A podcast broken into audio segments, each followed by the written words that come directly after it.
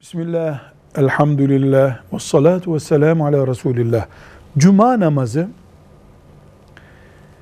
müminlerin haftada bir gün kıldıkları ve asla kazası olmayan, muhakkak yapılması gereken bir ibadettir. Ama kadınlara ve yolcu durumunda olanlara farz değildir.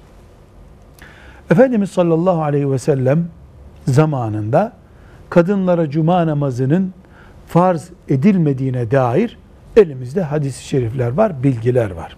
Yani fukaha, alimler, kadınlar bunu kılmasın demiş değillerdir. Peygamber aleyhissalatü vesselam'dan böyle görülmüştür. Allahu Teala Kur'an'ında cuma namazı kılın buyurdu. Efendimiz sallallahu aleyhi ve sellem de kadınlara farz olmadığını açıkladı. Ashab-ı kiram böyle uyguladılar. Ama kadın cuma namazı kılamaz diye bir şey yoktur. Kadın cuma namazına gidebilir. Cami müsaitse, hutbesini dinlemek için, sevabını kazanmak için kadın cuma namazı kılabilir. Kılarsa makbuldür ama kılması farz değildir. Velhamdülillahi Rabbil Alemin.